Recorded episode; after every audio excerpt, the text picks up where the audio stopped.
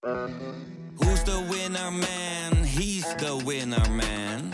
Is hij miljonair? Geen idee, maar nou en. Je hebt geen jackpot nodig to be a winner man. Oh oké, dat is wel lekker man. Liegen over een mondkapjesdeal die je hebt gesloten met de overheid. Een deal waarmee je miljoenen hebt verdiend. Dat doet toch alleen Siewert van Liende? Nou, nee. Ik ben Felicia Alberding en in de Mondkapjesmiljonairs duik ik met een team van correspondenten in andere schandalen. Want wist je dat Siewert helemaal niet uniek is? Luister de Mondkapjesmiljonairs in je Podimo-app. Of ga naar podimo.nl slash mondkapjes.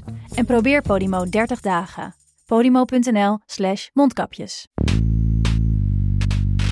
Italy is pulling out all the stops to ensure countries move in the right direction and do it fast.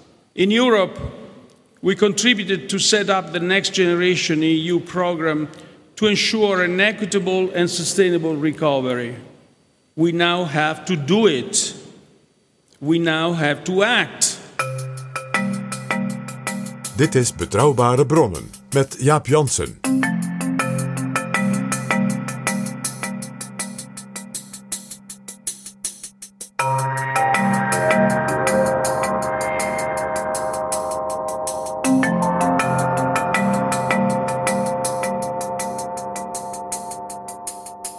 Welkom in Betrouwbare Bronnen aflevering 223 en welkom ook PG. Dag Jaap. Voordat we beginnen heet ik eerst de nieuwe vrienden van de show welkom. Luisteraars die met een donatie deze podcast mede mogelijk maken. Die nieuwe vrienden zijn Vincent, Jacco, Judith, Giula, Marente, Torben en Mark. Merci. Wat leuk dat er zoveel van onze luisteraars zijn die zoveel waardering hebben voor wat wij doen. Dit is Betrouwbare Bronnen. PG, zullen we eens naar Italië gaan deze keer? Ja, Jaap, dat gaan we zeker. Daar zijn ook hele goede aanleidingen voor. En een van die aanleidingen is zeer nadrukkelijk de kabinetsformatie in Nederland en de stand van die kabinetsformatie. Want in Italië is een regering die flink aan het werk is met allerlei hervormingen. Een regering bovendien met een zeer brede steun in het parlement. Die bovendien zeer hoog wordt gewaardeerd door de Italiaanse bevolking. En vooral ook buiten Italië. Onder leiding dus van Mario Draghi, de oud-president van de Europese Centrale Bank. Heel erg wordt gewaardeerd. Dus ook in Europa. En bijvoorbeeld bij de meest recente G7 in Cornwall. Heeft Mario Draghi een eigen onder vier ogen gesprek gehad van bijna twee uur met Joe Biden. En Mario Draghi kan het ook heel erg goed vinden, en dat is wederzijds, met Emmanuel Macron, de president van Frankrijk.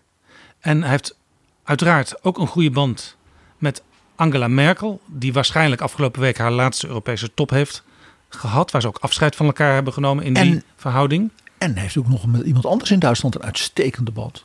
Dat was natuurlijk de minister van Financiën van Angela Merkel. Met wie hij natuurlijk als bankchef ten aanzien van het financiële beleid van Europa en van het grote land in Europa, Duitsland, natuurlijk heel veel contact had. En dat was Olaf Scholz. En Olaf Scholz is nu de gedoodverfde nieuwe bondskanselier.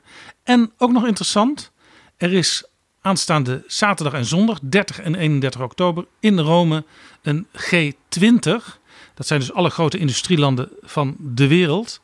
En eh, Nederland is daarbij ook uitgenodigd. Nederland zit officieel niet in dat lijstje van 20, want daar moeten ook nog landen zoals eh, Rusland in. En Eh. Argentinië en Brazilië en Saudi-Arabië. Maar Nederland is wel uitgenodigd. Want En- Nederland behoort natuurlijk eh, wel tot de 20 grootste zeg maar, BBP's, eh, economieën van de wereld. Ja, en het leuke is, bij de andere genodigden zijn bijvoorbeeld de sultan van Brunei. Eh, Want die is eh, voorzitter van de Zuidoost-Aziatische landen. Voor de ASEAN. Ja. De president van Congo komt ook, want hij is voorzitter van de Afrikaanse Unie. De, de president van Rwanda, want hij is ook ergens voorzitter van. En de, de premier van Singapore is dat net als Nederland een klein, maar economisch belangrijk land. ja, je ziet dus dat eh, Draghi in feite de voorzitter nu is van alle wereldleiders daarmee. Laten we er niet omheen draaien. Dat is niet niks. Nee, want Biden komt ook weer naar, naar Europa voor die Rome Summit. Bijvoorbeeld Bolsonaro van Brazilië komt, Xi Jinping uit, uit China, eh, de president van Indonesië, Die, Eh, die allemaal zijn ze er. De president van Indonesië is de opvolger van Draghi als voorzitter van de G20. Maar minstens zo interessant, Jaap. De Italianen hebben die G20 ook heel nadrukkelijk, als het ware, heel erg, ja, eh, bijna zeg maar, on steroids gedaan. Want ze hebben gezegd, na de enorme gezondheid en economiecrisis, waar natuurlijk ook Italië in Europa als eerste land het zwaarst door getroffen werd, moeten we nu met z'n allen, als het ware, ook goed afgestemd waar het herstel weer gaan oppakken. En dan moeten alle landen, alle wereldleiders moeten daar als het ware met elkaar samen heel goed afspraken over maken. En het interessante is, Draghi heeft dus alle mogelijke soort voorsummits georganiseerd van allerlei ministersgroepen, expertgroepen, die dus een heleboel zeg maar, voorstellen, agenda's, eh, initiatieven hebben voorbereid, die allemaal kunnen afgetikt worden als het ware op die G20 in Rome. Dus het is een heel intensief eh, traject. En dat is echt heel erg iets van Draghi zelf geweest. En Draghi kent natuurlijk als geen ander de agenda van de Europese Centrale Bank, waar Christine Lagarde hem is opgevolgd. En die Europese Centrale Bank die gaat op 16 december de, de strategie definiëren van de post-pandemie-periode. Dus zeg maar de nieuwe koers, als het de nieuwe koers is van de Europese Centrale Bank, die komt in december. En eh, ze zijn heel erg nieuwsgierig in Italië, de, de kringen rondom Draghi, eh, wie de nieuwe Duitser wordt die daar wordt afgevaardigd door de Bundesbank. Want Jens Weidmann heeft zijn aftreden aangekondigd. En dat was altijd de grote eh, ja, tegenvoeter van Draghi in de discussies in de bank. Want ik las zaterdag in de Milano Finanza dat Weidmann altijd eh, ja, de orthodoxe man was bij de bank. De visie van de Bundesbank was dogmatisch en niet aangepast aan de realiteit. En eh, de, de Duitsers vergeten wel eens, eh, schrijft de Milano Finanza, dat het ook schadelijk voor Duitsland zou zijn als die Weidmann-visie echt helemaal zou worden doorgezet. Want dan zou Duitsland veel minder kunnen exporteren naar bijvoorbeeld Italië. Nou ja, hier zie je dat, laat ik zeggen, wat er in die G20 en in die Europese overleggen en met die centrale bank, en dat is ook de, erfenis van Draghi, wat daar allemaal gebeurt, van enorme betekenis is voor bijvoorbeeld onze kabinetsformatie. Ik zei het niet voor niks aan het begin. We gaan het over Italië hebben en daarmee dus zeer nadrukkelijk ook over wat dat betekent voor Nederland en onze formatie. Ja, we hebben het er al eerder over gehad in een aparte aflevering van Betrouwbare Bronnen PG. eh, dat de wereld en Europa in de eerste plaats niet wacht op de Nederlandse kabinetsformatie. Ik hoorde laatst Diederik Samsom, de, de assistent van Frans Timmermans, als het gaat om eh, de, alle klimaatveranderingen in het beleid. Tegen Sven Kokkelman op de radio zeggen, Radio 1.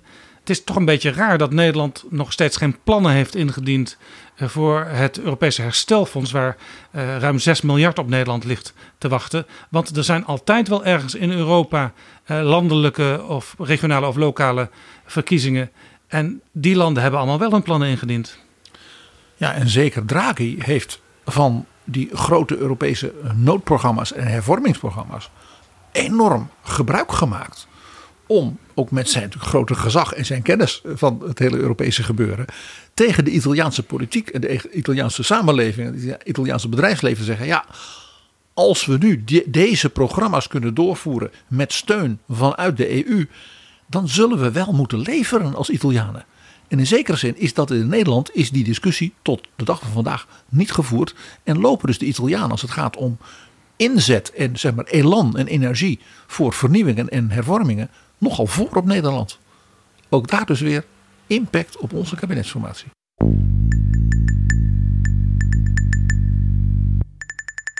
PG, voordat we verder praten over wat Draghi nu precies aan het eh, hervormen is in Italië en wat de impact daarvan is voor, voor Europa en dus ook voor Nederland, moeten we misschien toch nog even terug naar waar Italië vandaan komt. De historie van Italië. Want eh, het, het beeld vaak in Nederland is dat het een enorm bureaucratisch land. Het is een gezellig, leuk land om op vakantie te gaan. Maar ja, wij moeten ze wel altijd vanuit Europa te hulp schieten. Wij houden ze eigenlijk op de been financieel. Dat is het idee wat bij veel Nederlanders leeft. Zonder ons geld zijn ze allemaal failliet daar. En hard werken doen ze ook niet. En al dat soort beelden. Hè? Ja, Maar, maar dat is niet waar. Nee, zeker niet. Draghi is natuurlijk toch, hoe je het went of keert, ook met zijn bijzondere rol nu. En ook het feit dat hij dus als aanvoerder van Italië in zo'n korte tijd eigenlijk meteen ook niet tot zeg maar, de, zeg maar, de zieke man van Europa, maar tot een van de toonaangevende leiders in Europa is geworden, is dat natuurlijk een product van hoe Italië zich de voorbije ja, tijd, ja, jaren en jaren heeft ontwikkeld. En één ding moet je altijd, als je het over Italië hebt, onthouden. Italië is natuurlijk een heel jong land. Italië als één moderne uh, republiek is natuurlijk een vrucht van de tweede helft van de 19e eeuw. Net als Duitsland. Maar het Italië van toen is als het ware een heel, ja, een heel lichte, zouden wij zeggen, politieke nationale structuur geworden. Italië is eigenlijk altijd heel sterk uh, gedomineerd geweest door de regio's. Ook de oude ja, vorstendommen, de steden, ja, die allemaal hun eigen bewind hadden. En een echt krachtig nationale regering met ook sterke nationale instituties voor iedereen, eh, zijn er in Italië mondjesmaat maar geweest. in zekere zin kun je dus zeggen van ja, het idee van een soort nazistaat Italia is zo'n typische 19e eeuwse fictie. Zoals dat natuurlijk eigenlijk voor alle nazistaten geldt. Uh, en waarbij we natuurlijk ook van dat soort ficties in de geschiedenis meer hebben gezien. Uh, denk aan Tsjechoslowakije. Denk ook natuurlijk heel tragisch aan Joegoslavië. Ja, Nederland was natuurlijk vroeger ook een republiek van, van, van provinciën. De zeven provinciën verenigd, maar ondertussen. Ja. En Italië deed daar ook heel aan denken. Waarbij Italië bovendien natuurlijk ook altijd nog delen van Italië in feite bestuurd werden, ook dynastiek, door wij zouden nu zeggen buitenlandse mogendheden. Het, het, het, grote koninkrijk Napels en Sicilië, dus dat hele zuiden, dat werd geregeerd door de Bourbons, door de Spanjaarden. En, eh, ja, en niet zeg maar, door de, de burgemeester van Napels of van, uh, van Syracuse. Uh, nou, in het noorden van Italië waren de Fransen en ook de Oostenrijkers, de Habsburgers, uh, hadden daar hele grote delen. zoals in Midden-Italië. Toscane is heel lang door de Habsburgers geregeerd geweest. Parma, idem dito. Margaretha van Parma was natuurlijk landvoogdes der Nederlanden als Habsburgse vorstin. Ja, dus interessant misschien ook een heel groot verschil met bijvoorbeeld Frankrijk. Frankrijk kan vanuit Parijs geregeerd worden. Als er in Parijs iets besloten wordt, dan, dan wordt het meestal wel in heel Frankrijk uitgevoerd. Al even. Uh, en dat is dus uh, helemaal niet het geval in Italië. Nee. Italië heeft dus als het ware die, die, de, de structuur van een soort moderne, uh, liberale nationale staat van de 19e eeuw eigenlijk alleen als een soort kostuum gekregen. Maar de werkelijkheid van Italië was altijd dus zeer, wij zouden zeggen, regionalistisch, particularistisch, ook sterk versplinterd. Waarbij dan ook nog in die verschillende regio's en steden, wat dan niet, natuurlijk oude netwerken, uh, families, machtsstructuren, dingen die wij dus kennen als de maffia, uh, ja, natuurlijk altijd een hele grote rol zijn blijven spelen. En in zekere zin dat dus Italië als soort moderne nazistaat een fictie was, werd ook door ja, Mussolini en zijn fascisten onbedoeld natuurlijk bewezen. Want de enige manier blijkbaar om van dat Italië een krachtig, modern, ja, imperiaal geheel te maken, was dus door een soort gewelddadige fa fantasie-ideologie van het fascisme. want dan was Italië, dat was het, kwam het Imperium Romanum kwam weer terug. Nou, en ook, ook het volk achter de leider, ook door bijvoorbeeld bepaalde ja, oorlogjes aan te gaan. Ja, er was natuurlijk een, hoop uh, parades en kabaal hè, bij uh, Mussolini. En het idee dus was dat Italië nu een, een, een, een, soort, soort grootmacht zou worden. En in Afrika hè, gingen ze dan Ethiopië uh, veroveren. Nou, geweldig, ja. Maar het beste voorbeeld natuurlijk van dat dat ook, net als dus die nazistaat van de 19e eeuw, eigenlijk vooral heel veel façade was. Was toen, toen het Italiaanse leger Albanië binnenviel. En vervolgens op de grens van Albanië door het leger van Griekenland in de pan werd gehakt. uh, ja, nou, so far so good. laat ik zeggen, een imperium en een krachtig moderne uh, staat. Ja, maar één ding moeten we dan misschien toch Benito Mussolini wel nageven. Hij zag dat je Italië alleen maar tot iets kon brengen. Als je het als, toch als een soort nazistaat zou behandelen en inrichten. En waarbij hij dus geen enkele andere mogelijkheid zag dan in de vorm van een soort gewelddadig dictatoriaal bewind. Dat liet dus zien dat die nazistaat er dus eigenlijk dus niet was. Dat kon je alleen dus met geweld afdwingen en dan net doen alsof. Nou, na de Tweede Wereldoorlog heeft Italië eigenlijk zijn, ja, je zou kunnen zeggen, zijn kans gekregen en ook gepakt. Uh, het Italië van na de Tweede Wereldoorlog is natuurlijk een indrukwekkend succesverhaal. Want men heeft een moderne, Europese, westersgezinde, democratische samenleving opgebouwd. Men heeft de Italiaanse economie natuurlijk indrukwekkend gemoderniseerd. Uh, het werd ook een van de absolute ja, nieuwe uh, zeg maar, uh, tijgerstaten hè, wat betreft de nieuwe industrie, economie, innovatief. Hè, ging dus ook ja, de moderne samenleving voorzien van dingen als auto's. ja.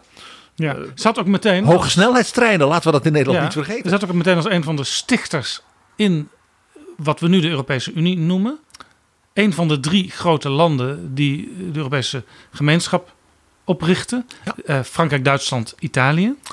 Waarbij dus ook Italiaanse uh, uh, staatslieden als Alcide de Gasperi ook als he, vader van Europa geldt. Als een van de, iemand als Schuman, Monet, Adenauer, de Gasperi. Dus dat zegt ook iets over de, zeg maar, de kwaliteit die Italië toen kon inbrengen. En ook dus de, de, het statuur van de Italiaanse politici. En dus ook het succes van Italië ja. als en nieuwe, moderne Europese economie. Ja. En ze hadden één partij, de Christen-Democraten, die net als in Nederland lang het geval was, eigenlijk altijd tot een bepaald moment uh, de regeringen konden vormen. Ja, dat was wel heel bijzonder. Italië werd politiek eigenlijk had het twee pijlers. Dat was de communistische partij en de Democratia Christiana. Zeg maar de katholieke partij die ook nadrukkelijk de steun had eh, vanuit, uh, vanuit de kerk. Ja. Natuurlijk tegen het communisme, wat een groot gevaar was. Ja, overigens moeten we dan het communisme niet precies gelijkstellen aan het communisme zoals wij dat in het algemeen hebben gekend in Europa. Het Italiaanse communisme was toch heel Italiaans. Uh, want wat een van de meest opvallende dingen was dat die communisten natuurlijk in allerlei delen van het land. Hè, want ze waren qua stemmen zeg maar, de Christen-Democraten 45, 46 procent, de communisten 42 ja, dus ze leverden ook van burgemeesters. En, en regio's, hele delen van Italië werden feitelijk geregeerd door de communistische partij.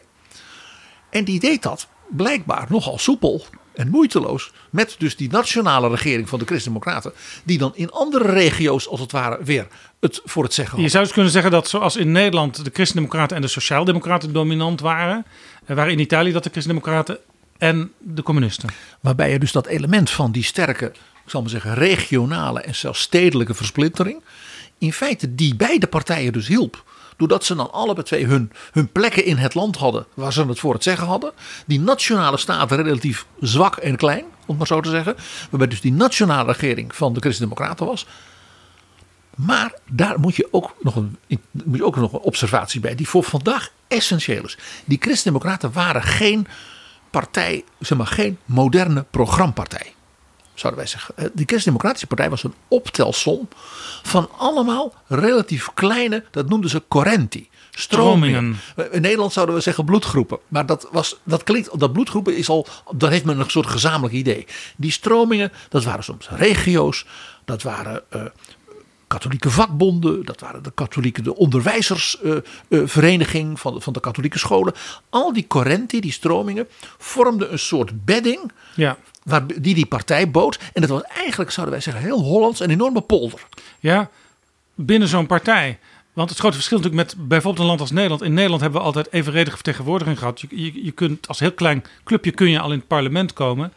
En in de meeste landen in Europa is dat niet zo. Daar heb je toch coalities nodig om over bepaalde kiesdrempels te gaan. En dat was in Italië ook zo. En dat leidde bijvoorbeeld tot die grote Christendemocratische partij. Ja, en wat dus die Christendemocratische partij deed, was dus die verschillende stromingen, die verschillende ja, zeg maar, uh, partijafdelingen en, en segmenten van die partij Dat wat, uh, een wat meer behoudende club voor bijvoorbeeld gezinnen en ouders die je had. En je had weer de wat vooruitstrevende zeg maar, de vakbonden. En je had de lerarenbond. En je had professoren. En, nou ja, en je had bedrijfsleven, natuurlijk het christelijk bedrijfsleven. Ze hadden allemaal hadden zo hun vertegenwoordigers in het partijbestuur. Die waren dus ook altijd heel groot. Die bijeenkomsten, die partijcongressen, dat was ook altijd één grote, wij zouden zeggen, polderonderhandeling.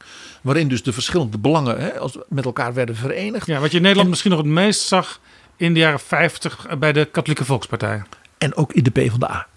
Die verschillende stromingen die als het ware met elkaar samen zo'n grote club vormden. De Italiaanse christendemocratie doet daar en deed daar heel sterk aan denken. Dus er werd altijd bemiddeld en uh, compromissen binnen de partij, nog voor de compromissen als het ware werden gesloten met, uh, voor het regeren. Wat ook interessant was, dat de regeringen van die tijd werden dus gedomineerd door die Christendemocratische Partij. Maar ja, die was dus zelf weer een onderdeel, ja, bestond uit heel veel verschillende onderdelen. Dus die, er was niet ene dominantie Nee. van die partij alleen. Nee. Wat ze zelfs deed, was dat ze kleinere partijen, niet zijn natuurlijk de communisten, maar de kleine sociaaldemocraten, er was zelfs een socialistische partij die dan anticommunistisch was. Er was een soort liberale partij, er was een soort liberaal-democratische en radicale partij. Die hadden allemaal 2%, 6% en dat soort dingen. En die werden als het ware dan in die coalities gehaald door die grote christendemocratische partij.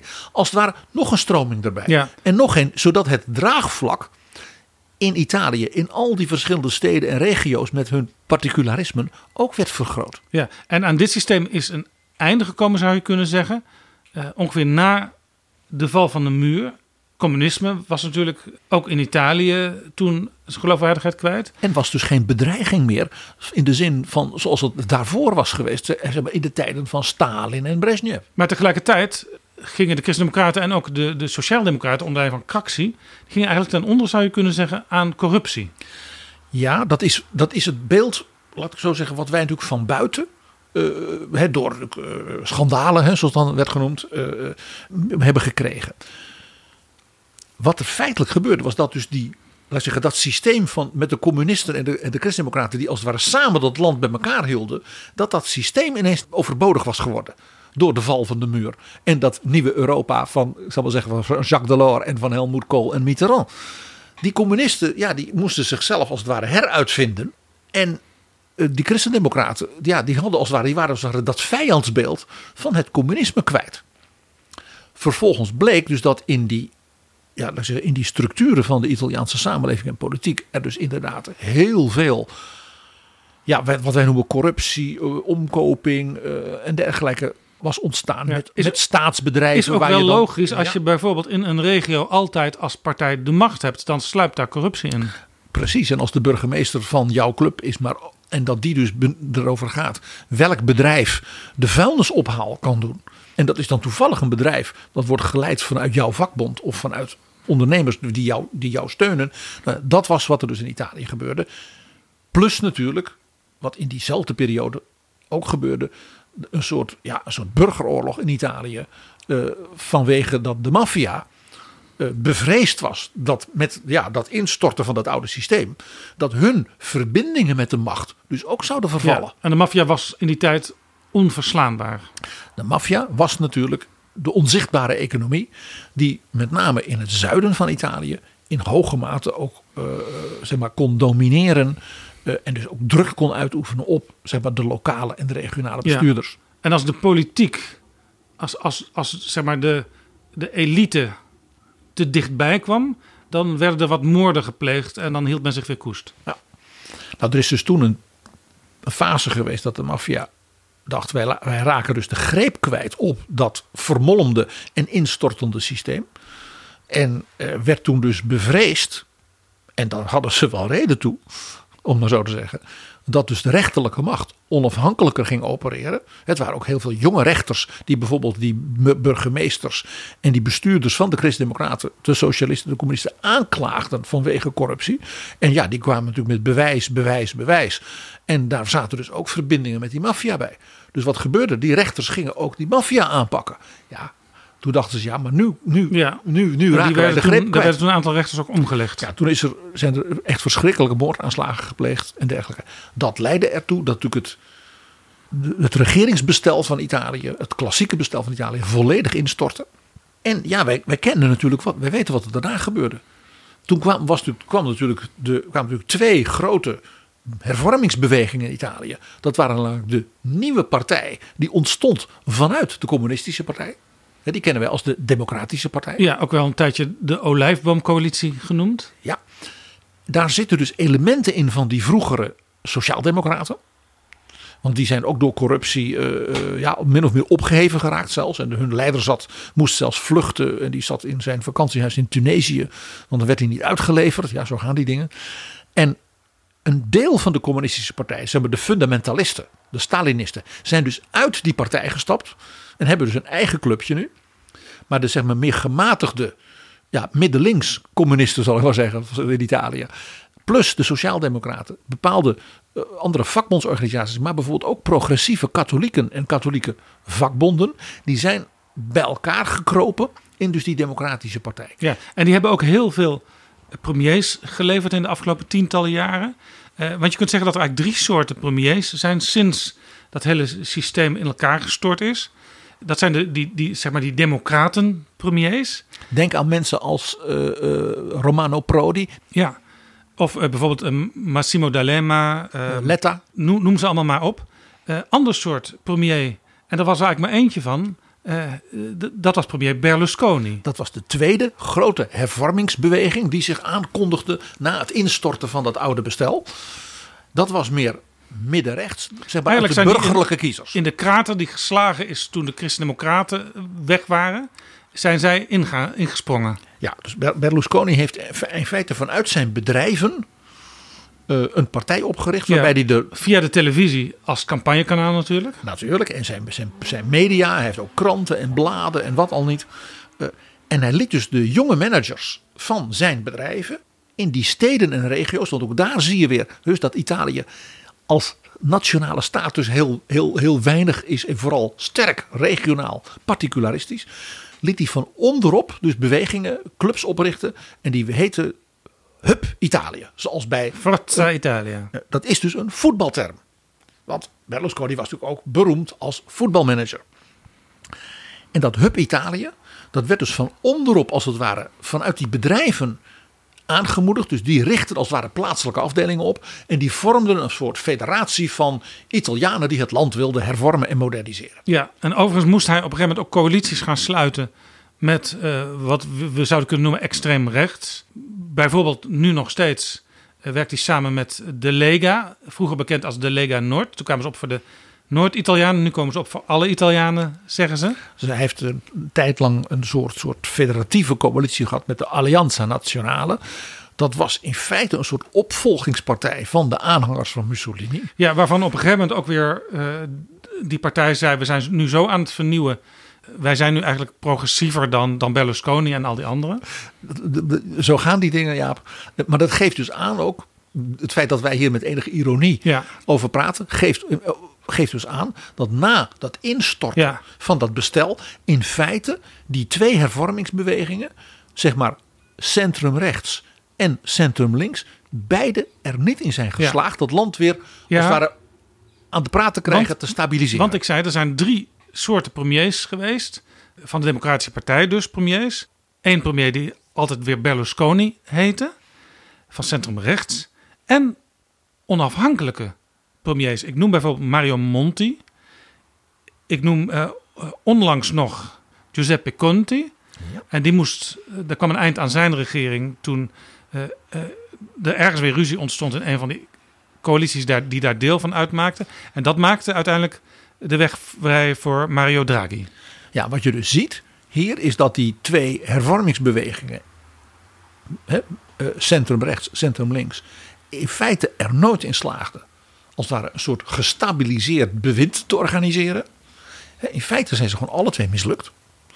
En dat dus in crisissituaties men dan eh, eh, teruggreep op wat Italianen dan zo mooi noemen technocratische premiers.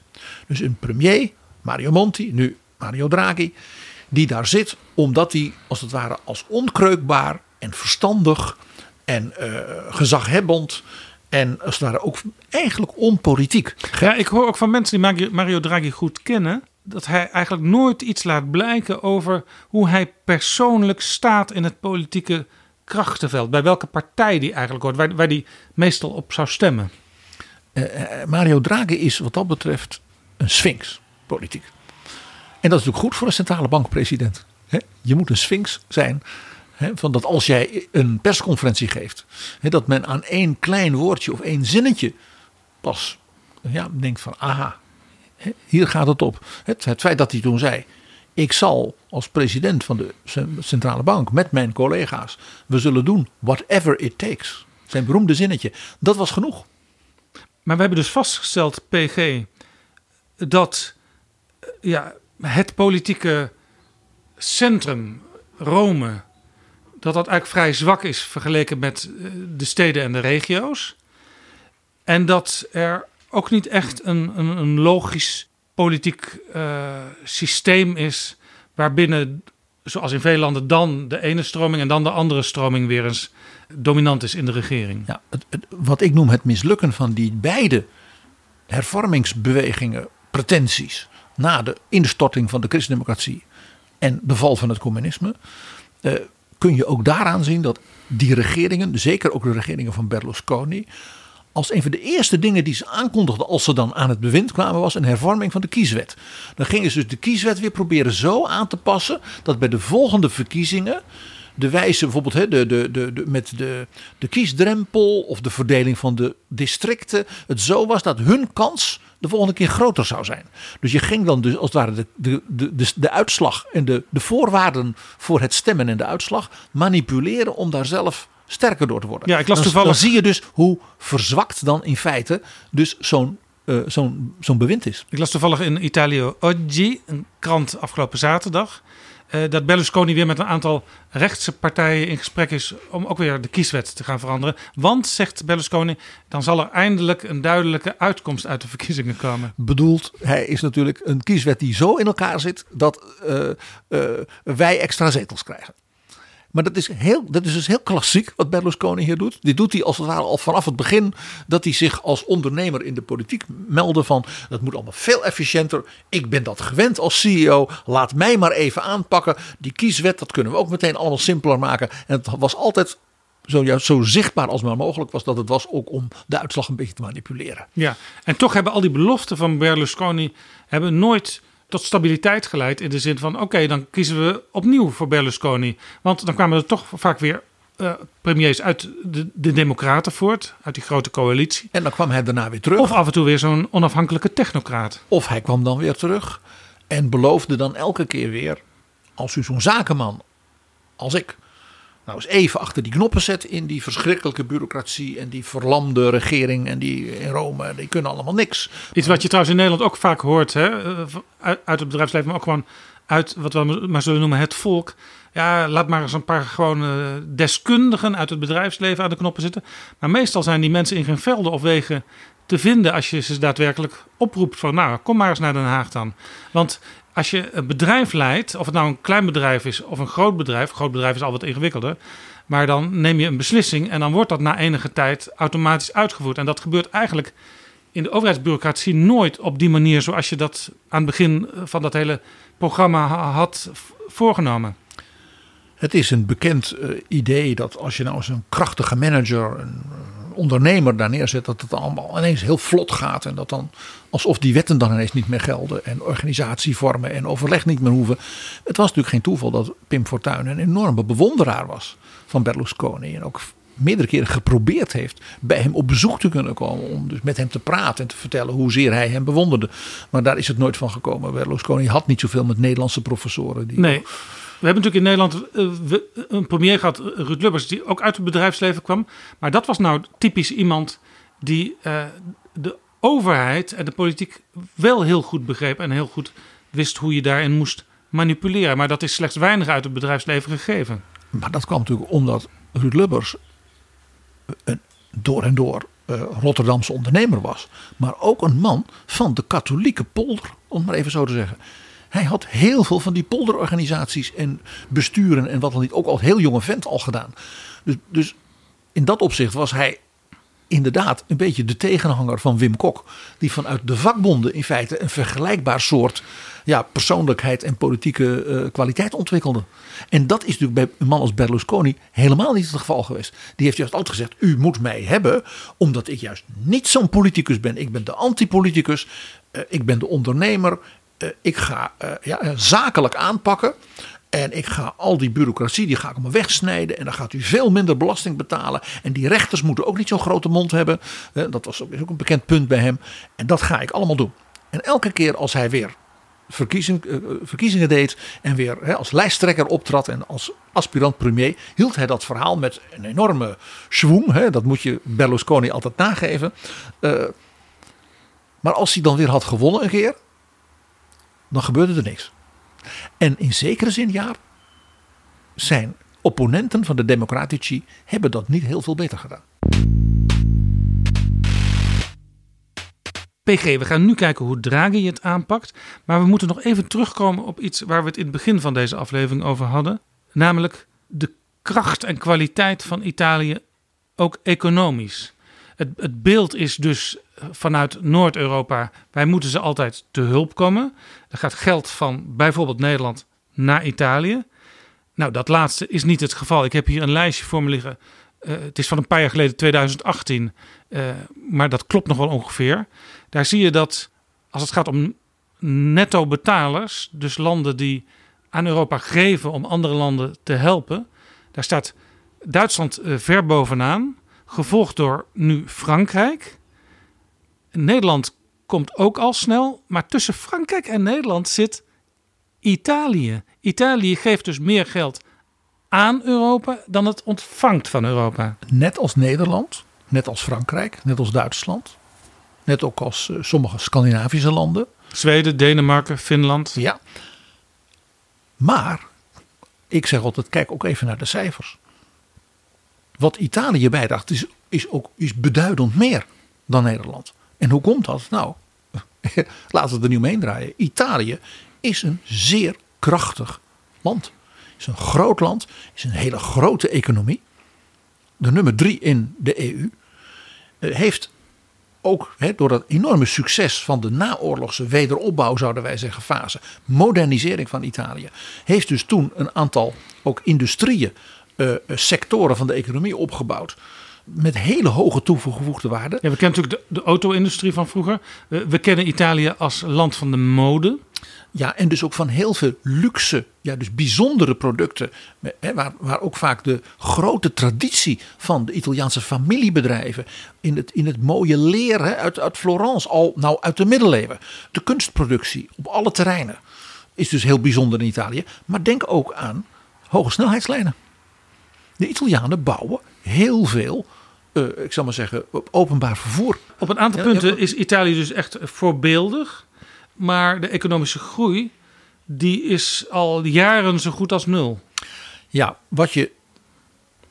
Italië is dus een heel complex land. Dat zagen we al met, laat ik zeggen, het is zogenaamd een nazistaat, maar eigenlijk, ja. Nou, dit is ook dus een zeer succesvol land op het gebied van alle mogelijke economische sectoren. Zeer vernieuwend ook. Denk ook aan natuurlijk alles rond wat, wat er met design en, en dergelijke gebeurt. Dat is waar. Tegelijkertijd is het natuurlijk ook een land met een enorme jeugdwerkloosheid. Het is ook een land met uh, hele streken ja, in het zuiden die natuurlijk nog gewoon ja, zeer, zeer armoedig zijn. Weinig ontwikkeld economisch. Waar natuurlijk eigenlijk al 50 jaar de mensen wegtrekken. Ja, um, het een deel van het succes van Italië is natuurlijk dat dat noorden van Italië, het midden van Italië, economisch uh, ja, en technologisch dus ja, tot de top van Europa behoorde. Maar goedkope arbeidskracht uit het zuiden van Italië, als het ware, liet binnenkomen. En daardoor kon men natuurlijk ook die, die economie zich zo ontwikkelen. Ja, ik, ik reisde ooit in de jaren tachtig door Italië.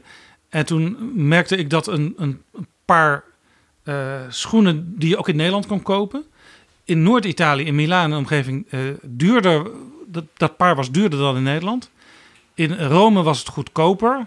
En uh, nog zuidelijker was het nog goedkoper. Dus het paste zich aan aan de koopkracht van de mensen daar. En een ander ding wat ik op die reis ook merkte, dat ik ook nooit vergeten. Ik kwam in Napels een mevrouw tegen. Echt een, een, een rijke mevrouw met parelkettingen en zo. En die ging ook elke dag naar het strand daar. En ze zei: Ja, ik kom hier mijn geld terughalen. Ik heb een uh, bedrijf in Milaan. En wij storten maar geld in dat zuiden en zo. Ja, daar moeten we toch zelf ook een klein beetje van profiteren. Eigenlijk hetzelfde beeld wat zij had. Wat wij Nederlanders toch vaak ook van Italië hebben. Noord- en Midden-Italië beschouwt zichzelf als Ze hebben de voorhoede van Europa op allerlei terreinen. Cultureel, technologisch, economisch, eh, intellectueel. eh, eh, die hebben een zeer behoorlijk, eh, ik zal maar zeggen, zelfbeeld. En kijken dus neer, bijna, bijna soms nog, nog, nog, nog eh, argwanender en ook wegwerpender op hun eigen landgenoten. Zeg maar zuid van Rome en natuurlijk ook op de stad Rome en die regeringen en die bureaucratie die ons maar dwars zit. Want dat, ook dat beeld, grappig genoeg, is heel sterk een Italiaans beeld. Berlusconi was natuurlijk niet voor niks zo populair in die delen van Italië. Omdat wat hij dus zei, van ik ga als ondernemer daar eens even die Augiasstal eh, eh, uitvegen. En ik ga die bureaucratie eens even aanpakken. Dat was iets wat natuurlijk grote delen van, van Italië, zeker het noorden en midden van Italië, volstrekt met hem eens was. En toch, en toch, en toch, Jaap. Italië is dus een heel grote economie. Een hele succesvolle economie op allerlei terreinen. En ja, altijd aardig om dat even te onderstrepen. Als eh, Silvio Berlusconi weer zo'n hartelijke, broederlijke ontmoeting had met zijn grote vriend Vladimir Poetin. Er was één ding wel heel helder en dat wist Poetin donders goed. Silvio Berlusconi als premier van Italië had een veel grotere economie en had als land een veel grotere positie in de, in de wereld als het ging om economie en handel en dat soort dingen dan dat hele Rusland van ja, Poetin. Ja, je zou dus nu kunnen zeggen, eh, als Draghi straks aan tafel zit in de G20 met onder andere Poetin, eh, dan mag Poetin eigenlijk blij zijn dat hij daar überhaupt nog wordt uitgenodigd bij de G20. Eh, zo, zo is dat. Zo is dat, ja. En nog een punt. Be- Behalve die vaak onderschatte, zeg maar, indrukwekkende economische en ook culturele prestaties van Italië. Italië is een land dat is een overlevingskunstenaar. Want je zal maar met de val van de muur en die maffiaoorlog en de volledige instorting van je bestel. Vervolgens, zo goed en zo kwaad als het gaat, weer opkruipen. Het land is dus wel voortgegaan, ook in Europa. Het heeft dus grote problemen, natuurlijk. Maar het, het is geen dictatuur geworden. Het is niet volledig ingestort. De overlevingskunst van de Italianen, ook in de kredietcrisis en de eurocrisis, moet je ook altijd nog even zien. Het was helemaal geen toeval dat toen dus Lehman Brothers en al die banken instortten. En wij hier in Nederland, ja, denk eens aan de problemen die hier met de banken waren. Er was één land in Europa waar je nooit over hoorde. En van de premier, het was toevallig Silvio Berlusconi, ook grijnzend riep van... bij ons is alles goed geregeld. Ik heb het al. En die deed net alsof dat aan hem te danken was. Zo is Silvio Berlusconi, dat moet je hem ook gunnen. De realiteit was dat de Italiaanse banken waren helemaal niet besmet door, ik zal maar zeggen, de problemen van de Amerikaanse banken of later de problemen met Griekenland. Omdat het Italiaanse bankwezen, net als het Italië waar we het eerder over hadden, niet nationaal is, maar vooral heel erg regionaal en per stad. En de vakbonden hebben zo hun eigen dingen. En die banken die waren dus allemaal schoon. Dat vervolgens ze toch heel zwak gecapitaliseerd waren en zeer verouderd waren. Dat bleek in de jaren daarna, toen dus ja, Italië eh, eh, toch grote problemen kreeg. eh, ook doordat, door zijn grote tekorten. Toen kon dus die Italiaanse banken, die bleven niet meer overeind. Maar dat kwam niet. Dus door, zeg maar, de, wat wij zouden zeggen, de, de, de, de oorzaken waren van die kredietcrisis en de eurocrisis. Maar had te maken met de eigen interne problematiek. Die we natuurlijk al hadden gezien met het instorten van eh, het politieke bestel.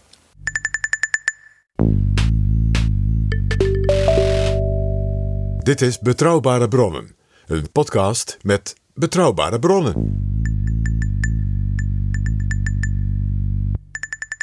Er is iets interessants aan de hand in Italië. Mario Draghi is gevraagd premier te worden. En bijna alle politieke partijen in het parlement hebben zich aangesloten, hebben steun gegeven aan die regering. Ja, dat is dus echt heel bijzonder. Al moet ik erbij zeggen, het is natuurlijk in 2011 met Mario Monti ook gebeurd. Die was, eh, leek wel een beetje op Draghi, was dan de eurocommissaris van mededinging. Ja, die heeft, Belangrijk economische portefeuille. heeft anderhalf jaar geregeerd. En die was op dat moment rector van de Bocconi Universiteit. Dat is de absolute nummer één universiteit in Milaan. En van het land. En eh, ook heel beroemd vanwege zijn economische faculteit. En daar was hij ook waar een van de belangrijkste mensen Ja. van. En hij probeerde eigenlijk al de dingen te doen die Draghi nu ook wil doen. Ja, en daarom is het heel interessant om ook te kijken naar wat er bij Monti gebeurde. En wat er bij Monti niet gebeurde en niet lukte. En waar Draghi nu staat. Want Draghi eh, gaat natuurlijk vooral niet de fouten maken. eh, die door onder Monti wel zijn gemaakt. Kijk, Draghi heeft zich dus laten roepen. Dit is heel belangrijk. Hij heeft dus niet gezegd van ik wil zo nodig eh, premier worden of wat al niet. Door het instorten van de coalitie van Salvini met de populistische Vijfsterrenbeweging. Was het duidelijk dat dus de, ja, zeg maar het politiek bestel van Italië in zekere zin terug was bij af in die periode van na de val van de muur. De Ja. politieke partijen waren in feite uit elkaar aan het vallen. En de instituties eh, ja, in Italië waren dus bleven verlamd. Ja, jij moet even En die hervormingen waren dus niet geslaagd. Voor de helderheid, want jij hebt het over Salvini en de Vijf Sterrenbeweging. Vijf Sterrenbeweging hadden we nog niet genoemd. Salvini is natuurlijk van de Lega Nord, zeg maar van toch extreem rechts. En de Vijf Sterrenbeweging, dat is een hele eigensoortige beweging. Een populistische beweging die opgericht is door Beppe Grillo. Een komiek van de televisie. Een komiek. Eh, die had ook als, als, wat had hij nou toch ook alweer als, eh, als kreet bij zijn, bij zijn eerste grote verkiezingen? Sodemiet erop. Dat, dat, was, dat was zijn verkiezingsleus. Sodemiet erop. Ja. En bleken heel veel mensen die bleken dat een goed idee te vinden. Maar dat, maar dat geeft dus aan wat ik zei. Dat dus de, het bestel. Hè, en ook de instituties als het ware verlamd waren. En Ja. in feite het, het viel gewoon uit elkaar. En eh, er is ook heel veel gedoe ontstaan in die partij. Heel veel mensen die weer eh, zichzelf onafhankelijk hebben verklaard in het parlement. Misschien één ding wat de, die Vijf Sterrenbeweging wel voor elkaar heeft gekregen. Eh, jongeren kregen weer belangstelling voor politiek. En er zijn ook heel veel jongeren in de politiek gegaan eh, tijdens die Vijf Sterrenbeweging. Uiteindelijk hebben zij ook ervoor gezorgd dat eh, de vorige premier aantrad, Giuseppe Conte. Die werd door die partij naar voren geschoven. Eh, maar ook hij presenteerde zich als onafhankelijk. Hij was een, ook zo'n hoogleraar economie type. zoals Mario Monti was. En ook dus zo'n technocraat. Eh, en die dan zei van nou ik wil die ministersploeg dan wel wat leiden. En een beetje de grote lijnen van het economische hervormingsprogramma. Hè, dat ga ik dan wel doen. Maar ja, ook hij moest dus vaststellen. Wat we hiervoor vaststelden. Ja, Het kwam niet van de grond. nee, en hij werd dus uiteindelijk weer het slachtoffer van een van de deelnemende partijen die, die eruit stapte, zodat hij na 2,5 jaar ook moest stoppen. En toen kwam dus Draghi. En het gekke is dus, hij slaagde erin, eh, behalve de, de, de extreem-extreem rechtse, eh, alle partijen achter zich te krijgen. En hij heeft ook gezegd, dat is ook heel opmerkelijk, ook vanuit Nederlands perspectief denk ik, eh, tegen de partijen die hem zouden gaan steunen. ik ga alleen regeren met partijen die alle Europese wetten accepteren. En we moeten goed beseffen dat wij heel veel te danken hebben aan Europa en vooral ook aan de euro. Want zonder de euro zouden wij eh, niet op het niveau zitten waar wij nu op zitten als Italië. Draghi heeft natuurlijk een enorm pluspunt gehad bij zijn aantreden. En dat speelt hij ook uit, die kaart. Want het is natuurlijk een briljante strateeg. Dat weten we. En dat is, ze hebben hem gevraagd. En hij zit er niet voor zichzelf. En je kunt hem dus niet vragen als daar eh, iemand anders te zijn dan Mario Draghi. Dus dan ben je iemand die vanuit, ja, die strategisch denkt, die de grote economische vraagstukken ja, centraal stelt. En daarbij altijd met een Europees perspectief. En willen ze iemand anders, die, die, dus die, die dat niet doet, ja, dan moeten ze hem niet vragen. Dus dat wisten ook al die partijen. Wat hier natuurlijk ook speelde, was natuurlijk de enorme impact van de coronapandemie op Italië. Het was natuurlijk het eerste land in Europa dat de volle map kreeg. Toen niemand nog wist, ja, bijna wat het was en hoe het zou gaan en dergelijke. Eh, De, zo ook de grote, ook, mag ik zeggen, bijna psychologische, geestelijke ja, impact daarvan op Italië kunnen wij misschien als Nederlanders wat moeilijk eh, ons voorstellen. Ja, overigens, kleine voetnoot. Ik zag dit weekend een kaart van Europa en waar corona n- nog het ergst woedt en waar minder. En dan zag ik dat grote delen van Italië eigenlijk ja, bijna coronavrij zijn inmiddels. En dat is dus ook weer zo'n punt wat ik eerder noemde. Dat Italië niet alleen een groot land is met heel veel ook economisch en cultureel vernuft. Maar ook een overlevingskunstenaarsland is. En ik denk dat dat ook iets is wat, wat Draghi als het ware heeft opgepakt. Dus die, die mentaliteit van de Italianen. Van ja we zullen het nu toch moeten doen. Kijk, hij heeft bovendien zijn, zijn regering natuurlijk helemaal zelf samengesteld. Dus president Mattarella heeft tegen Draghi gezegd: u, Ik maak u premier. Eh, want ik heb alle partijen geconsulteerd en ze weten het ook niet meer. Dus u gaat het doen. En u gaat maar een, een programma schrijven van noodzakelijke ingrepen en hervormingen. En u haalt daar maar ministers bij. Die dat ook kunnen. En hoe u dat doet, nou, dat hoor ik dan wel van u. Dus wat is Draghi gaan doen? Die is natuurlijk heel verstandig. Die heeft in feite een eigen programma geschreven, natuurlijk met ondersteuning van stafmensen, die die natuurlijk onmiddellijk om zich heen verzamelden. En is met de partijleiders gaan praten. Maar niet in de zin van wat zou jij willen, maar meer eh, kan ik op jou rekenen ten aanzien van dat. Dan ben ik ook wel bereid om bijvoorbeeld die persoon uit jouw zeg maar, partij, wetenschappelijk instituut, minister te maken. Ja, maar dus niet iemand krijgt een post omdat hij al zo lang in de top van die partij meedraait. Precies. En natuurlijk dat uh, bepaalde partijleiders, bepaalde vertrouwelingen, uh, als het ware in die regering wilden hebben, zodat Draghi ook wist, dan zit dat goed. Dat spel, dat kon hij natuurlijk prima spelen. Maar hij heeft in feite zijn eigen regering gemaakt. Zowel qua personen als qua zwaartepunten. Uh, hij heeft dus ook mensen benoemd die dan geen minister zijn, maar die bijvoorbeeld een agentschap van de overheid leiden, wat hij min of meer zelf had bedacht. Dus Draghi heeft ook een aantal soort agentschappen van de overheid aangewezen voor het doorvoeren van die hervormingen. Want het is ook mooi als je zegt we gaan dat doen. Het is net eh, de toeslagenaffaire. Het is mooi als je aankondigt gaan dat doen. Maar als vervolgens blijkt dat niemand weet hoe het moet. En het allemaal blijft stil liggen. Ja. Dan gebeurt er niks. En er misschien wel ambtenaren zijn die yes minister roepen. Maar dat is ook nog niet altijd een garantie dat er daadwerkelijk iets gebeurt. Zeker niet in Italië met al dat regionale en plaatselijke particularisme. dus Draghi heeft bijvoorbeeld een agentschap voor het doorvoeren van de infrastructuur ingrepen in het zuiden benoemd. Zodat die, dat beleid niet alleen maar afhankelijk is van de plaatselijke of regionale overheden. Dat is natuurlijk duidelijk. Ja.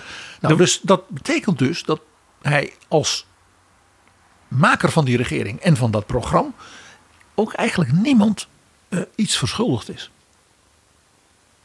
Hij is er is geen partijleider van die zegt: Jij hebt mij zo geholpen, ik moet voor jou wat doen. Ja, er is één partijleider die af en toe wel een beetje dwars ligt. Dat is Salvini van de, van de Lega.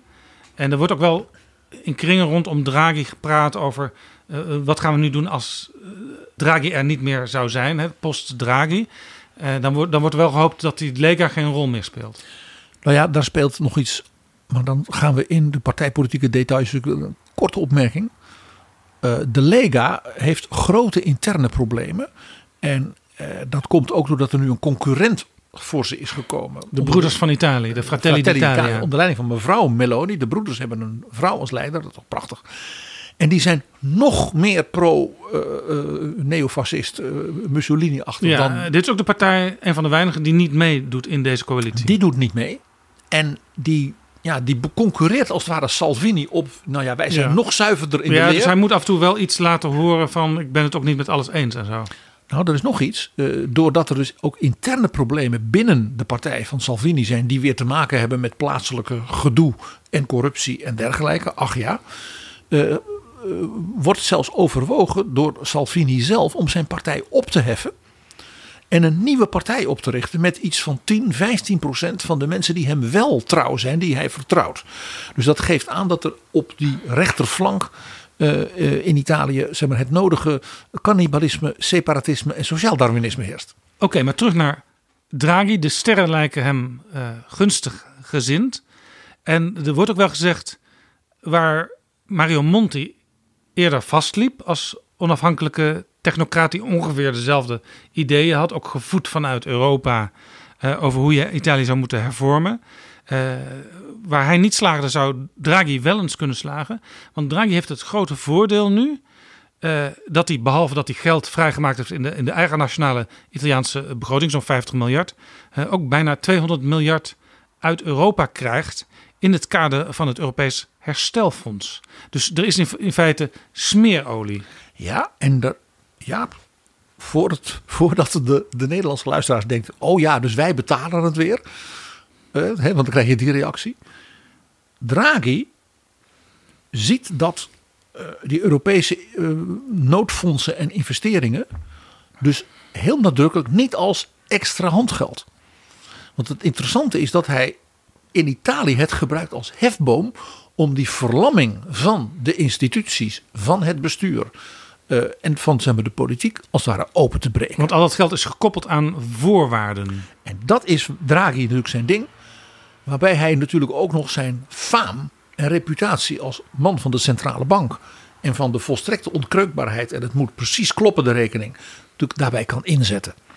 En het interessante is, als je nou naar die regering van Draghi kijkt.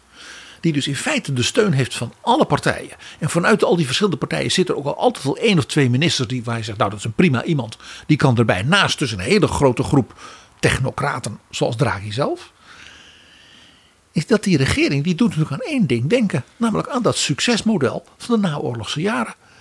Die democratia christiana met al die correnti, al die stromingen. Die regering van Draghi is eigenlijk zoiets als die christendemocratische partij van toen. Al die stromingen zitten er bij elkaar. Er is een soort polder met daarboven dan Draghi, die, die de grote lijnen doet. En dan krijgt die eens wat, dan krijgt die eens wat. Ja. Hij houdt dus met iedereen Ja. rekening. Nou ja, in zekere zin eh, een, een nog beter uitgevoerd model vanuit Italiaans perspectief.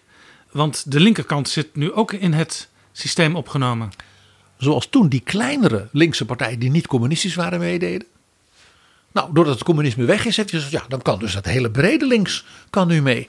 Dus in zekere zin, misschien, misschien wat merkwaardige eh, analyse, maar de moderniteit van Draghi's aanpak eh, is misschien wel succesvol door de klassieke kant van hoe die het doet.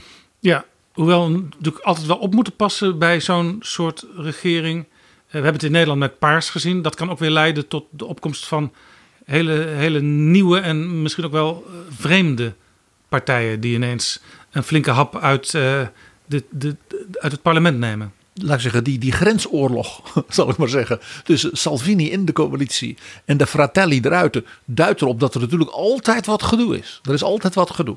Maar zolang dat vooral op die extreemrechtse vleugel leidt tot interne strijd, concurrentie, haat en en wat dan niet, is dat voor Draghi alleen maar goed.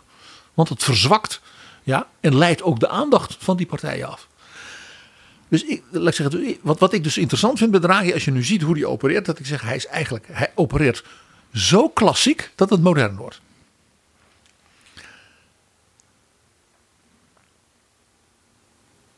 Heel belangrijk hierbij is een groot verschil waar jij al eerder op wees met Mario Monti. Mario Monti had, net als Draghi, een eigen hervormingsprogramma met in een noodsituatie had alleen dus niet die Europese zeg maar, fondsen en de daarbij behorende eh, voorwaarden. Had nog iets niet.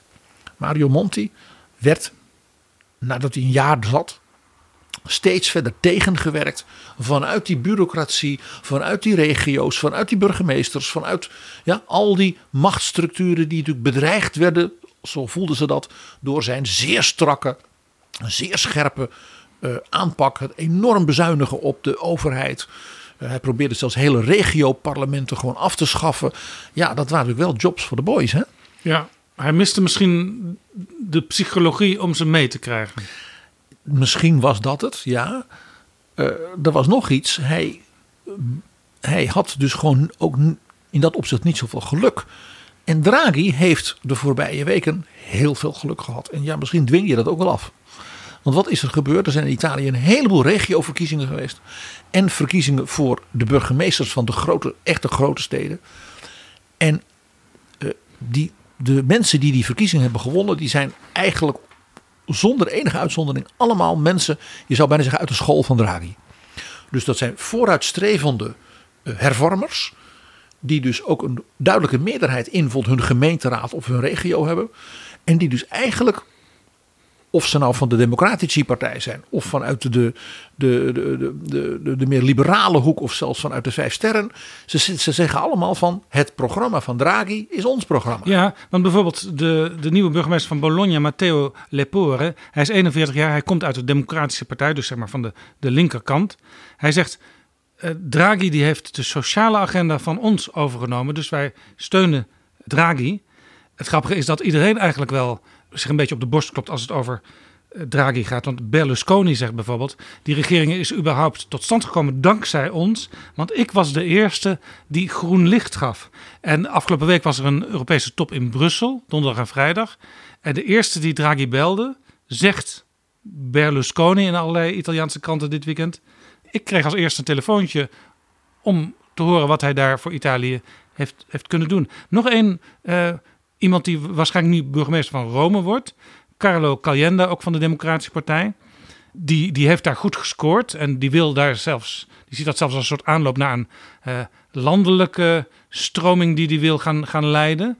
Uh, en hij zegt, de dingen die ik wil, die zijn niet links of rechts, maar noodzakelijk. Ja, dat, dat, dat klinkt dus inderdaad heel erg Draghi-achtig. En ja, gelet op wat ik hiervoor al zei. Als Draghi dus de support heeft, steun heeft, zelfs leerlingen bijna heeft. Op die plekken in die steden en die regio's, ja, waar het in Italië dus voortdurend altijd vastloopt. Met de bureaucratie, met het gedoe. Ja, dan kan hij natuurlijk iets voor elkaar gaan krijgen. Wat bijvoorbeeld ook een Mario Monti niet voor elkaar kreeg. Wat Giuseppe Conte niet voor elkaar kreeg. En wat ook die, zowel die hervormers van middenrechts van Berlusconi als de hervormers van bijvoorbeeld de Olijfcoalitie ook niet voor elkaar kregen. Daarbij komt natuurlijk dat Draghi de volle steun heeft van uh, zeg maar de collega's in Europa en internationaal. Dat blijkt natuurlijk ook uit de, het feit dat hij die G20 met zoveel elan uh, ja, is gaan leiden. Uh, om, om je een voorbeeld te geven. Hij heeft een extra top ingelast van de G20 via scherm over Afghanistan. Omdat hij zei, ja, we zijn nu bezig al die mensen daar weg te halen. De Italianen hebben overigens op dat punt een, een, een zeer succesvolle campagne gevoerd. Met hun leger en hun luchtmacht. Dat is een, echt een voorbeeld voor andere landen, hoe ze dat gedaan hebben. Ja. Overigens bij die top was uh, Mark Rutte ook aanwezig. Want die wordt dus blijkbaar op dit moment voor al die G20 bijeenkomsten uitgenodigd. Dat is, dat is niet vanzelfsprekend voor Nederland. Nee. En wat deed Draghi? Die zei, kijk, waar moeten wij het over hebben? Uh, uh, ten eerste, we moeten natuurlijk duidelijk zeggen dat wat die mensen daar doen op dat vliegveld Kabul, dat ze natuurlijk alle steun hebben en wat dan niet. Hij zei, maar wij als leiders van de G20, wij moeten nu vooruitkijken hoe zorgen we dat Afghanistan niet volledig instort? Economisch, politiek, zodat je enorme toestanden krijgt met vluchtelingen, met hongersnood en wat dan niet. En dat moeten wij doen. Dan, zag, dan zie je dus dat Draghi als het ware al gewoon net premier van Italië de rol aanneemt van een soort coach, leidersfiguur voor alle andere grote namen in de wereld. Dus hij heeft heel veel support. En die relatie met Amerika van Draghi, die bleek al natuurlijk bij die G7 dat Biden zei: ik ga apart met Mario Draghi zitten. Om met hem alle grote thema's door te nemen. En dat deed Biden niet zomaar, want dat had hij van zijn vroegere baas. Want Barack Obama, zo, zo weet ik van toevallig een andere Europese leider die mij dat persoonlijk heeft verteld, belde alle weken een uur met Mario Monti.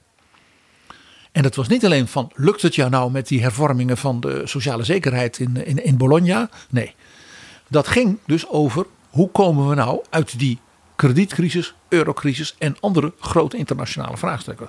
Omdat Obama natuurlijk net als Monti natuurlijk in feite een, ja, een, een top intellectueel was. En met die man ook een soort ja, gesprek kon voeren op hoog niveau. Zoals Obama natuurlijk met Merkel ook zo'n bijzondere band had. En je ziet dus nu dat Draghi onmiddellijk dit als het heeft opgepakt ook met Joe Biden. Ja. Nou, dan zie je dus dat is voor een, iemand die dus net premier is van in dit geval Italië. Natuurlijk een uitzonderlijke rol op ja, de wereld. We moeten dus opletten als Europa-watchers uh, dat we het niet altijd meer hebben over uh, de as Parijs-Berlijn. We moeten nu ook nadrukkelijk Rome erbij betrekken. Uh, want Mario Draghi die, die, heeft dus een goede band met Macron. Hij heeft ook een goede band met Olaf Scholz, die binnenkort hoogstwaarschijnlijk aantreedt als nieuwe bondskanselier. En een hele goede band aan de andere kant van de Atlantische Oceaan met Joe Biden. En kent dus als oud-president van de Europese Centrale Bank de sleutelfiguren uh, op het gebied van monetair, economisch, financieel van Japan, van China, van Rusland ja. en van alle andere en landen. En waarbij ook niet onbelangrijk is dat de koers van Christine Lagarde, zoals we het nu kunnen waarnemen, niet structureel afwijkt van de koers van Draghi. Wat ook niets hoeft te verrassen, gelet op haar achtergrond in de Franse politiek en bij het IMF. Jaap, laat ik proberen even dat is niet eenvoudig, maar toch proberen. Heel kort samen te vatten, wat doet Draghi nou eigenlijk in Italië? Want we hebben het over hervormingen. En er is dus dat uh, heel veel geld uit die noodfondsen van uh, Europa. Hè, van ik zeg, en hij gebruikt ze dus niet als een soort handgeld. Van daar kan ik nog wat extra gunsten mee uitdelen. Hè, aan de burgemeester van Napels of aan het regiobestuur van Sicilië dat dwars ligt. Nee, hij gebruikt het als hefboom. Dus hij wil er iets mee loswrikken, zo nodig. Nou, wat hij doet, is ja, dat past helemaal toe bij die man, ook bij zijn manier van denken zoals we dat van hem weten. Denk ook aan zijn fantastische optreden toen in de Tweede Kamer. Die hoorzitting die hij toen hield. Dat was indrukwekkend. Hij denkt integraal. Hij zit daar dus niet als een politicus, als een premier die zegt: Ik heb mapjes op mijn bureau, dossier volkshuisvesting, dossier uh, files, dossier uh, uh, leraren basisonderwijs en hun salaris, dossier defensie. Alles hangt met alles samen, alles heeft invloed op alles. Dus het hervormingsprogramma van Draghi is zo boeiend omdat het helemaal integraal is. Het is systematisch doordacht. Hij gebruikt bijvoorbeeld dat geld uit Europa voor verbetering van infrastructuur. Dan zegt hij ja, maar infrastructuur is niet alleen maar wegen en bruggen en tunnels. Dat is ook de digitale infrastructuur. Dat is hoe kun je dus de uh, universiteiten, hogescholen, onderzoeksinstituten versneld ja, naar een veel hoger niveau van functioneren brengen. Wat voor infrastructuur heb je daarvoor nodig? Hij zegt, dat betekent dus dat we dus ook een hervorming zullen moeten doen van bijvoorbeeld hoe de digitale uh, uh, uh, zeg maar onderhoud van Italië is georganiseerd. Dat is interessant, want ditzelfde speelt op dit moment in, in Duitsland, waar ze ook een digitale achterstand hebben. En het is heel interessant dat hij dus voortdurend op zo'n wat ik noem systematische en integrale manier denkt. Denk eens aan die ingestorte brug in Genua. Oh ja. Dat gaf dus aan dat er dus in die infrastructuur van, nou zeg maar de jaren 60, jaren 70, in Italië geen onderhoud is gepleegd. Uh, ja, wat we al eerder zeiden, die hele zwakke nationale staat. En de gemeente Genua zei natuurlijk nee, dat moet de minister doen. De minister zei dat moeten jullie doen. En er gebeurde dus niks. Dus wat doet Draghi nu? Die zegt ja, wij moeten dus die fysieke infrastructuur in Italië drastisch moderniseren. Daar is alles voor, heel veel voor nodig. Maar ja, dat kan natuurlijk alleen als je dan de wijze waarop dat soort dingen worden aanbesteed bij bijvoorbeeld bouwbedrijven dan wel moderniseert en ontbureaucratiseert. En dat daar mogelijke corruptiemanieren en dingen, dat die worden weggenomen. Want anders gaat Europa ons dat geld niet geven. Dat is dus die hefboomfunctie. Hij zegt dat betekent dus dat wij een drastische vereenvoudiging zullen moeten hebben van de planningsbureaucratie van gemeenten, steden, provincies en de nationale overheid. En je ziet die institutionele verlammingen in Italië, waar we het vaker over hadden, die pakt hij dus aan door als het ware die hervormingsactiviteiten, ook die investeringen, door te rekenen van ja, maar dat betekent wie gaat dat dan doen en onder welke voorwaarden. Ja, Europa vereist dan dat we die, die transparantie hebben. Dan zullen we dus die wetten moeten aanpassen. Het staat dus niet meer dat tegen Rome wordt gezegd, ja, op die en die datum dan staat die nieuwe brug daar. Rome wil het hele proces kunnen volgen. Ja, en dus ook dat wordt gezegd, er gaat dus 100 miljoen naar de gemeente Genua, zeg maar, om die brug te repareren. En die 100 miljoen is na drie jaar uitgegeven. Maar er is nog geen bouwtekening van de nieuwe brug. Dat kan dus ook niet meer. Dus de manier waarop de planning gebeurt, de aanbesteding moet dus allemaal controleerbaar, transparant en eenvoudig zijn. Als je dat dus echt doet, met een heel grote hoeveelheid geld en een hervormingsprogramma, dan ga je dus zo'n land echt op de schop nemen. Ik heb een heel leuk voorbeeld. Hij zegt: Kijk, eh, als we nou het fiscale bestel de fiscaliteit in Italië drastisch gaan vereenvoudigen. Dat betekent dus helaas dat er allerlei regionale, lokale en andere belastingtoestanden. Ja, dat moet allemaal veel simpeler. Dus dat betekent veel minder greep van dus die plaatselijke en regionale bestuurders en hun vriendjes op het hele gebeuren. En hij zegt: kijk, als het allemaal veel eenvoudiger is. Ja, dan is ook ontduiking, ontwijking natuurlijk niet meer uh, niet zo makkelijk. Dat is precies heel goed, want we kunnen zo, hij zegt ik kan zo doorrekenen als we dat vereenvoudigen, bijna vlaktaksachtige uh, dingen, hoeveel meer inkomsten de Italiaanse staat dan gewoon krijgt. Terwijl dus in feite de mensen en de bedrijven minder hoeven te betalen. Is dit een reden dat Silvio Berlusconi hier, hem hierin ook steunt? Want uh, Berlusconi heeft natuurlijk wel persoonlijk natuurlijk een probleem als bezitter van heel veel vermogen. In Europa is ook de discussie op dit moment, dat zie je zelfs in Nederland bij de kabinetsformatie ook aan de orde zijn. Uh, dat, dat vermogen moet, moet zwaarder belast worden. Want dat springt vaak de dans als we het hebben over inkomensplaatjes en zo. Uh, uiteindelijk is Silvio Berlusconi dan wel de klos natuurlijk, zou je kunnen zeggen. Ja, maar aan de andere kant, hij zei niet voor niks, jij citeerde hem. Draghi zit daar dankzij mij. Want ik was de eerste leider die de hand uitstak en hem groen licht gaf. En waarom was dat? Omdat Draghi natuurlijk Berlusconi kon voorrekenen. U heeft dat altijd gezegd. Vereenvoudig nou en die corruptie en die bureaucratie en die fiscus. Nou, uh, hè, zoals je dan Berlusconi aanspreekt. Dat is precies wat ik ga doen. Dit is mijn programma. Daar kunt u toch niet tegen zijn. Want dan kan ik de tarieven voor de middengroepen, voor de winkeliers en dus zeg maar alle de, de groepen waar Berlusconi altijd zegt: u moet op mij stemmen. De gepensioneerden, ja, die kan ik dan drastisch verlagen en het veel eenvoudiger maken. Ja. Waarop Berlusconi alleen maar kan zeggen: daar ben ik voor. Ja, ja ze noemen elkaar trouwens echt uh, il cavaliere en uh, Draghi is dan il professore. Il professore, ja, zo spreek, zo spreek je elkaar in Italië dan aan. Nou, ik heb hier een heel mooi voorbeeld van die, die integraliteit van die aanpak. dus die infrastructuur gebruik je met hefboom voor de planningsbureaucratie, de plaatselijke gedoe, het gesjoemel, ja, de, de wethouderwegen aanleg. Nou, je ziet het voor je. Er is nog een hele saaie hervorming die Draghi heeft bedacht. En waar hij behoorlijk wat verzet uh, moet overwinnen, maar dat schijnt hem te lukken. Uh, mede dus met hulp van uh, Berlusconi in het zuiden. Een saaie Bedenk iets heel saais wat je kunt hervormen. Het kadaster. Ja, je ziet mannen, oude mannen, grijs haar, brillen op, pennen achter het oor. Met enorme cijferlijsten bezig. Ja. Draghi heeft gezegd, we gaan het kadaster hervormen. Want dat is in Italië, dat is nog allemaal in kaartenmappen en bureaus. En dat is volkomen verouderd. En uh, dat is oncontroleerbaar geworden. Is op geen enkele manier transparant voor jonge mensen die bijvoorbeeld een huis willen hebben. Een, een beschimmelde organisatie. En hier zit iets onder wat iedere Italiaan weet. Waar dus ook Draghi met Silvio Berlusconi over heeft moeten dealen, zal ik maar zeggen. En dat is de plaatselijke en regionale besturen, daar zijn ze weer. Ja, die verlamming. Die willen dat kadaster ook helemaal niet hervormen. Want daardoor zijn er in Italië misschien wel een miljoen, is ongeveer de inschatting, niet bestaande huizen waar mensen wel in wonen. Maar die staan niet in het kadaster en het precieze eigendom van dat stukje land is ook onhelder. Dus dan hoef je ook geen OZB te betalen. Dan is, dan is dat helemaal van jou. de zaakbelasting. De rekensommen van zeg maar, de teams van Draghi en van uh, de, de, de, de specialisten op het terrein die zeggen dat de Italiaanse staat daardoor tientallen miljarden gewoon misloopt. Dus dat is een van de grootste, bijna onzichtbare, letterlijk onzichtbare ontduikingen, ontwijkingen in dus die verlamde institutionele structuur. Dus die 50 miljard die, die Draghi uit eigen begroting investeert zeg maar, in de hervormingen, die verdienen zichzelf op deze manier heel snel terug.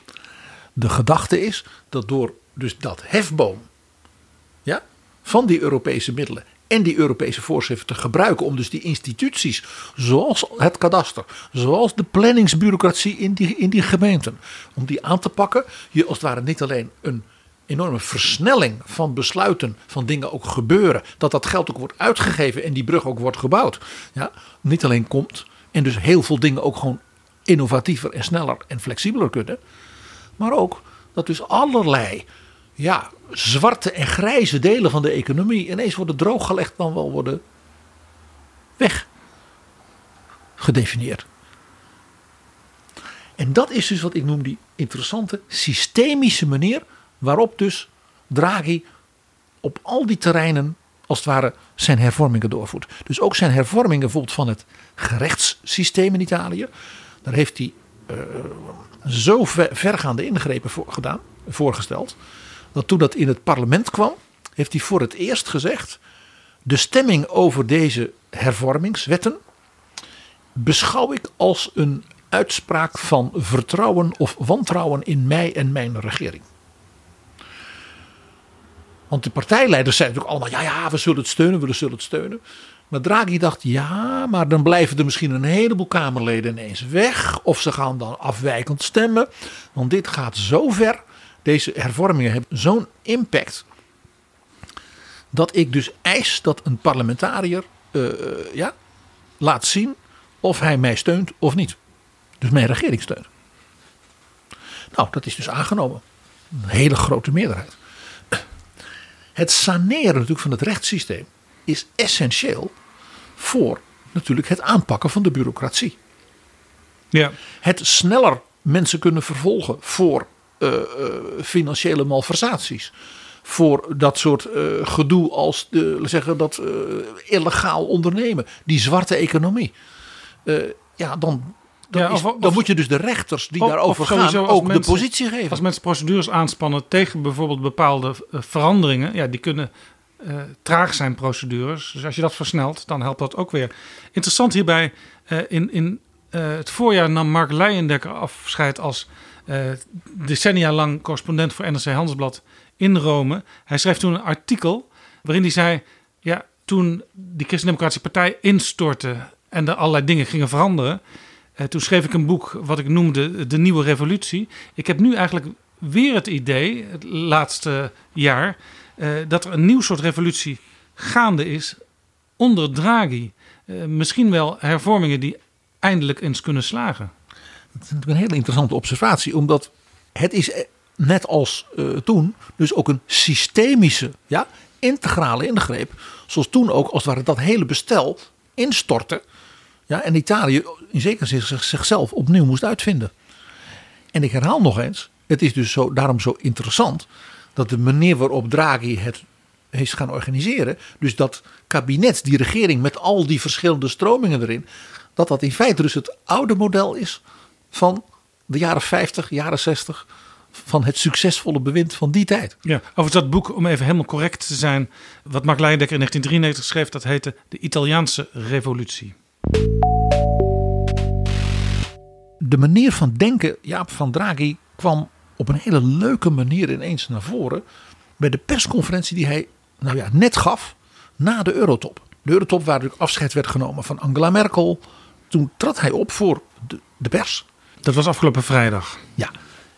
En toen zei Draghi ineens: Ja, deze Eurotop was om vele redenen een heel bijzondere.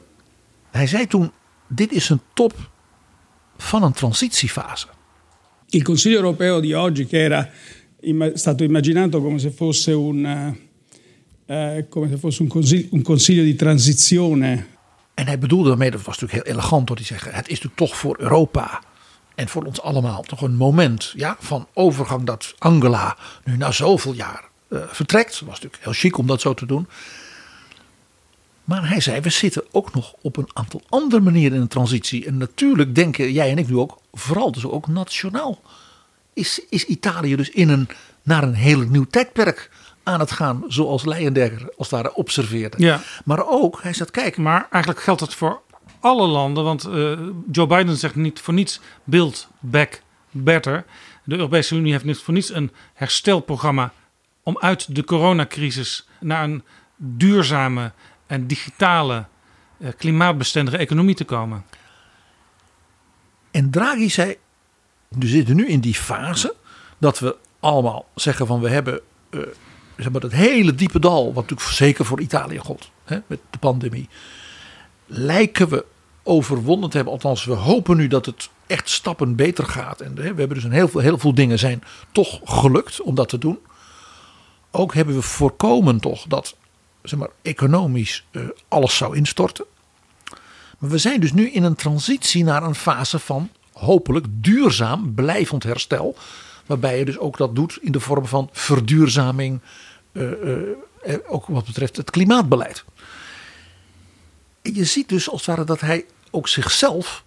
En wat hij dus in Italië aan het doen is, als het als onderdeel ziet van die lange termijnontwikkeling. En dat brengt mij natuurlijk meteen op die G20 die hij leidt. Want dat verklaart voor mij, toen ik dus dat, die persconferentie zag. eh, jij stuurde mij een linkje Jaap en daar was ik heel blij mee. Want toen ik hoorde hem, toen dacht ik, maar dit verklaart voor mij deze manier waarop hij kijkt naar de huidige situatie en zijn rol daarin, dan wat hij aan het doen is met die G20. Want hij heeft die G20 ongelooflijk ambitieus opgepakt. Bijvoorbeeld voor het eerst heeft hij allerlei uh, ministersgroepen van die 20 landen en ook weer van andere landen rond thema's een soort vooroverleggen laten doen. Waarbij er als het ware al klaar liggen nieuwe initiatieven, nieuwe zeg maar uh, wereldwijde uh, plannen met voornemens en wie gaat dan wat doen. Die dus allemaal bij elkaar komen in die G20. Dus hij heeft als het ware die G20 ook gebruikt om de rol die hij misschien ook wel in Europa en in Italië zelf speelt, als een soort coach ja, van alle grote vraagstukken bij elkaar brengen en ze integraal proberen met elkaar te verbinden en op te lossen, om dat ook maar op wereldschaal te doen. Dat verklaart dus ook voor mij weer dat initiatief van die summit die hij organiseerde voor Afghanistan. Ja, ja. Dus hij ontwikkelt zich als het ware zowel politiek als bijna intellectueel als een soort, ja, een soort wereldcoach. Ja, Overigens, hij nam dus afscheid van Angela Merkel, net als alle andere Europese regeringsleiders. Interessant is dat de carrière eh, della Sera afgelopen zaterdag citeerde Merkel over Draghi en over Italië. Eh, Merkel zei in dat citaat: Draghi is voor Italië de juiste premier op dit moment. Hij probeert onberispelijk gebruik te maken van het geld van de Next Generation European Union op een verstandige, transparante en verantwoordelijke manier richting de belastingbetaler. Dus ja, een beter compliment uit Duitsland kun je als Italiaanse regeringsleider natuurlijk niet krijgen. Terwijl de beeldvorming natuurlijk zeker ook in Italië van hoe Duitse politici en Nederlandse politici zich nog wel eens menen te uiten over bijvoorbeeld de Italianen een heel ander is. Ja, interessant ook. In Italië zelf zijn de burgers best tevreden. Wat zeg ik? Ze zijn eigenlijk zeer tevreden over Draghi. Want zoals in diezelfde krant, uh, Corriere della Sera, uh, staat afgedrukt. Berlusconi van uh, centrum rechts en Letta van centrum links, die halen allebei ongeveer 30, 32 procent van de waardering. Giuseppe Conte, de oud-premier, die wordt ook nog best goed gewaardeerd, 43 procent.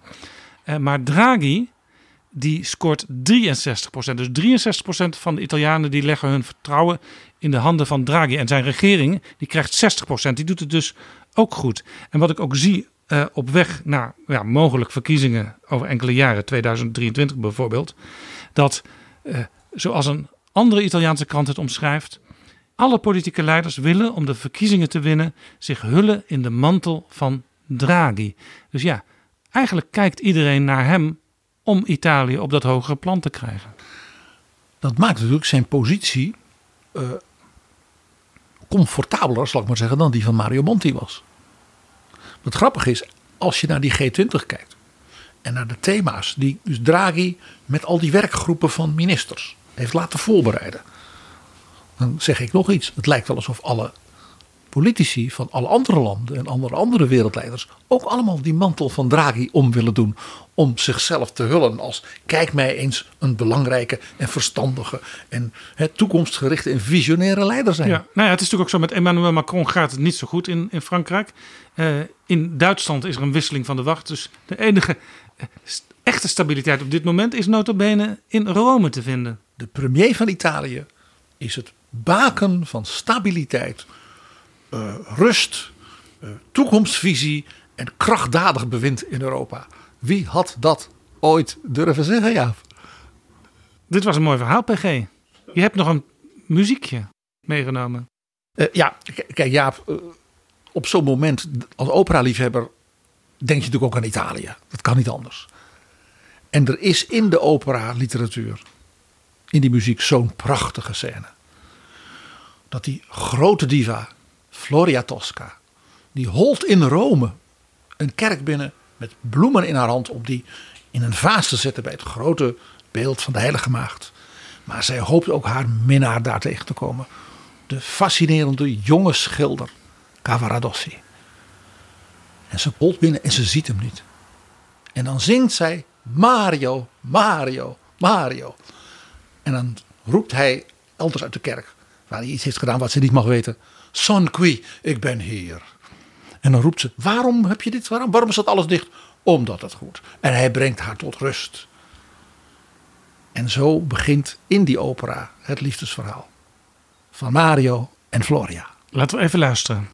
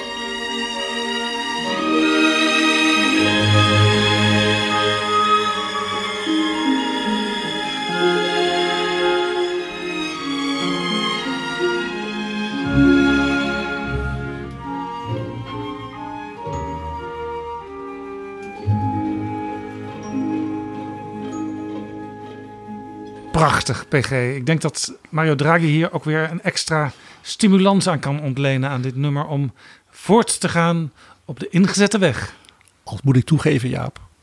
De opera eindigt met de executie van deze Mario en de zelfmoord van Floria. Desalniettemin zeg ik dankjewel, PG.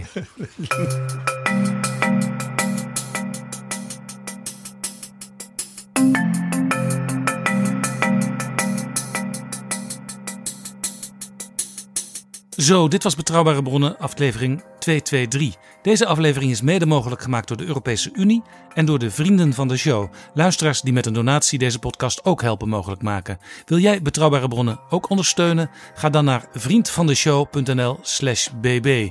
Vriendvandeshow.nl/slash bb. Tot volgende keer. Betrouwbare bronnen wordt gemaakt door Jaap Jansen in samenwerking met dag en nacht.nl.